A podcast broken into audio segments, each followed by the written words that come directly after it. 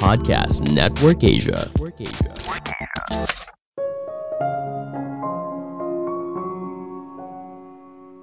Sebuah kepercayaan butuh bertahun-tahun untuk dibangun, dalam sekejap untuk rusak, dan selamanya untuk diperbaiki.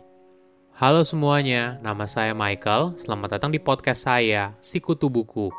Kali ini saya akan bahas bagaimana cara membangun kepercayaan yang hilang dengan orang lain. Ini merupakan rangkuman dari video TED Talk Francis Frey yang berjudul How to Build and Rebuild Trust dan diolah dari berbagai sumber. Kepercayaan merupakan fondasi atas apa pun yang kita lakukan. Tapi, bagaimana bila kepercayaan itu rusak? Bagaimana cara kita bisa membangun kembali apa yang sudah rusak? Ini tentunya bukan hal yang mudah dan waktu yang sebentar. Namun, di dalam hidup, kita mungkin saja mengalami hal ini, di mana kita harus membangun sebuah kepercayaan hingga akhirnya sebuah kepercayaan itu rusak dan harus dibangun kembali. Momen ini tentunya merupakan momen yang bisa menjadikan diri kita menjadi lebih dewasa dan menjadi pribadi yang lebih baik di masa depan. Sebelum kita mulai, buat kalian yang mau support podcast ini agar terus berkarya, caranya gampang banget. Kalian cukup klik follow. Dukungan kalian membantu banget supaya kita bisa rutin posting dan bersama-sama belajar di podcast ini.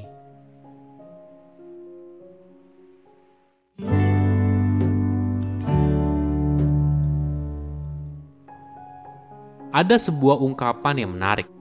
Trust takes years to build, seconds to break, and forever to repair. Artinya, sebuah kepercayaan butuh bertahun-tahun untuk dibangun, dalam sekejap untuk rusak, dan selamanya untuk memperbaikinya. Kepercayaan boleh dibilang merupakan modal dasar untuk membangun hubungan antar manusia. Dari sebuah kepercayaan, seorang bisa berkolaborasi, bertumbuh, dan menjadi lebih baik mungkin kita harus mendefinisikan dulu apa sih sebuah kepercayaan di tempat kerja. Mungkin artinya bukan hanya soal saya percaya kalau kamu bisa mengerjakan apa yang diharapkan, tapi lebih dalam lagi, termasuk perasaan karyawan yang menyadari kalau pemimpinnya akan memperlakukan mereka dengan adil dan rasa hormat. Ketika terjadi sebuah kesalahan, maka mereka juga dinilai dengan proporsional, bukan atas dasar suka atau tidak suka. Namun perlu dipahami, untuk membangun kepercayaan tidak hanya sebatas jargon komunikasi yang terbuka atau siapa pun bebas menyampaikan pendapatnya. Itu saja tidak cukup. Namun sebagai pemimpin, orang itu harus bisa memastikan apa yang diucapkan juga terbukti dalam tindakan, bukan hanya sebatas kata-kata. Namun, bagaimana bila sebuah kepercayaan itu justru sudah rusak? Apa yang bisa kita lakukan untuk memperbaikinya? Perlu kita pahami, kepercayaan rusak tentunya bisa diperbaiki, namun tidak mudah. Butuh kerja keras dan waktu yang lama. Pada tahun 2017, jasa transportasi online bernama Uber mengalami masalah yang serius. Perusahaan menghadapi gugatan dari para mitra pengemudi yang menuduh Uber telah menipu mereka dalam hal pembayaran. Berbagai laporan media menggambarkan Uber memiliki budaya toksik di mana ada kasus karyawan wanita yang dilecehkan secara seksual dan CEO perusahaan pada masa itu yaitu Travis Kalanick tertangkap dalam sebuah video sedang memarahi seorang pengemudi Uber. Hal ini tentunya membuat para pemegang saham menjadi marah dan akhirnya berusaha mencari cara untuk memperbaiki reputasi Uber. Salah satunya yaitu dengan merekrut profesor dari Harvard Business School bernama Frances Frey sebagai Senior Vice President untuk kepemimpinan dan strategi.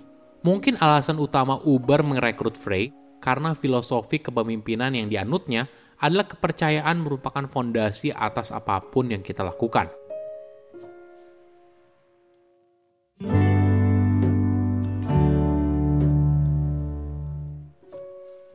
Ada tiga hal penting soal kepercayaan. Pertama, jika kamu merasa kalau saya tulus, maka kamu kemungkinan besar akan percaya saya. Kedua, jika kamu merasa kalau saya punya logika yang benar, maka kamu kemungkinan besar akan mempercayai saya.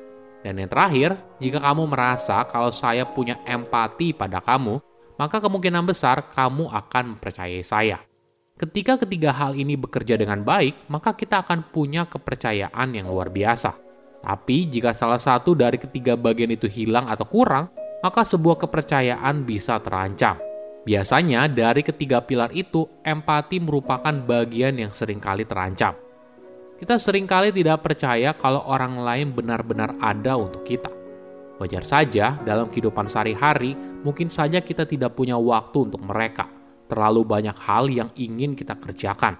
Namun hal ini bisa berbahaya. Ketika kita tidak menunjukkan empati, maka semuanya akan terasa lebih sulit. Jadi, kamu bisa mencari tahu di mana kapan, dan kepada siapa, kamu sering kali tidak fokus dan tidak terlihat empati. Nah, jika sudah, lain kali ketika bertemu orang itu, cobalah untuk fokus mendengarkan apa yang mereka katakan, benar-benar mencoba memahami perspektif mereka. Ini adalah cara kita belajar soal empati. Frey menceritakan pengalamannya saat di Uber. Ketika meeting, tidak jarang dia melihat orang lain sibuk berbicara satu sama lain melalui pesan soal meeting tersebut. Tentunya ini jadi hal yang aneh kan? Frey pun lalu membuat aturan, tidak boleh bermain handphone ketika meeting. Kondisi ini memaksa para peserta untuk mendengarkan apa yang dikatakan oleh si presenter. Dan harapannya bisa memahami sudut pandangnya serta berkolaborasi dengan lebih baik.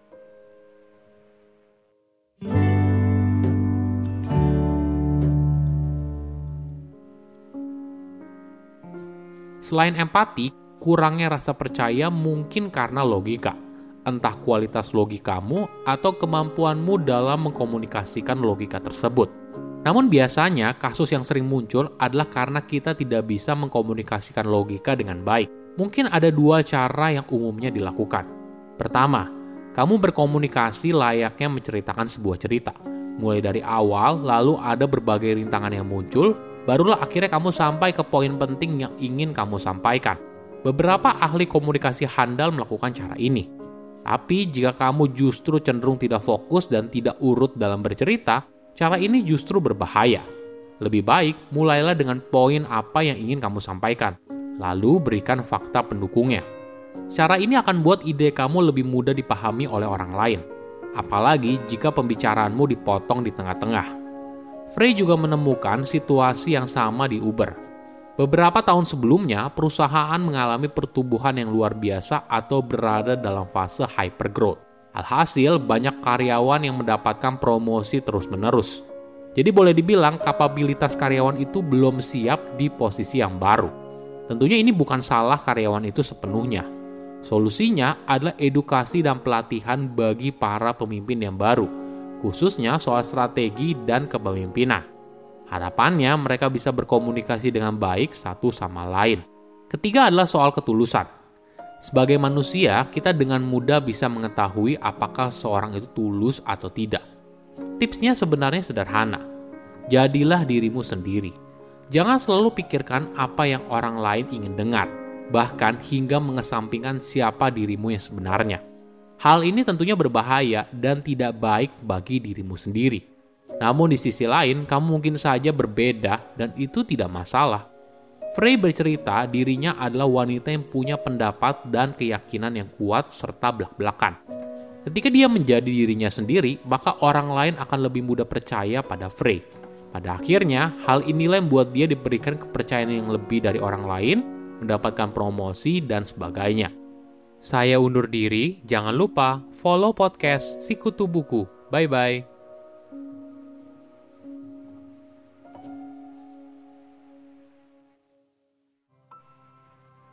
Pandangan dan opini yang disampaikan oleh kreator podcast, host, dan tamu tidak mencerminkan kebijakan resmi dan bagian dari podcast Network Asia.